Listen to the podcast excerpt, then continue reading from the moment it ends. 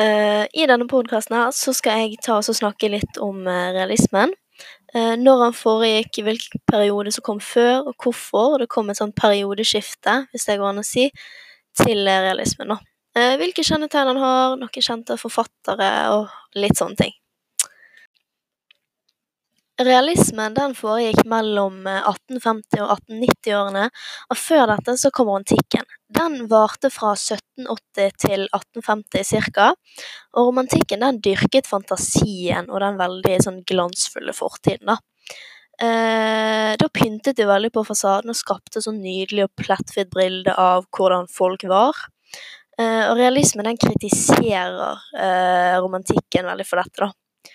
Eh, realismen den legger frem et nytt syn på litteratur, eh, og den skal liksom handle om kritikkverdige forhold og problemer i samfunnet. Da. Den skal, den skal beskrive samfunnet på en realistisk måte. Det som kjennetegner realismen som periode, er at det blir mer vanlig å liksom gi en ærligere beskrivelse av hvordan samfunnet var. Da. Uh, samtidig som de tok mer opp uh, sånne politiske spørsmål. Uh, I denne perioden så kom det òg frem mange kjente forfattere. Uh, blant andre for eksempel Charles Dickens, uh, som de fleste har hørt om. Sant? Han er mest kjent for bøker som Oliver Twist, A Christmas Carol og David Copperfield. I tillegg så har du amerikaneren Mark Twain, som er mest kjent for bøkene om Huckleberry Finn og Tom Sawyer. Uh, I Norge så hadde vi realister som uh, Henrik Ibsen med 'Dukkehjem og Villanden', f.eks. Uh, Camilla Collett med 'Amtmannens døtre' og Bjørnstjerne Bjørnson, selvfølgelig. sant? Den Han vet nok alle hvem er. han òg var realist. Og så, bare for å ta oss oppsummere litt sånn helt på slutten her Eh, realismen den gikk for seg mellom 1850- eh, og 1890-tallet. Før dette så kom romantikken. Eh, realismen kritiserer romantikken for å pynte på fasaden, og handler om å beskrive samfunnet på en realistisk måte. da.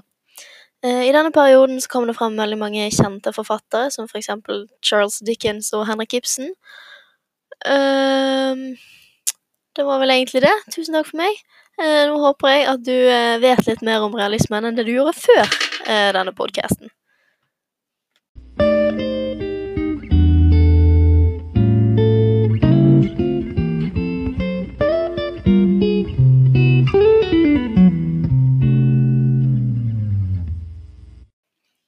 Ja, helt på slutten her, etter uh, avslutningen, som er bare si det. Eh, beklager hvis det er sånn litt sånn ulyder og sånn i bakgrunnen, eh, men jeg har eh, fullt hus her, sånn at det er litt, eh, litt mye som foregår på en gang.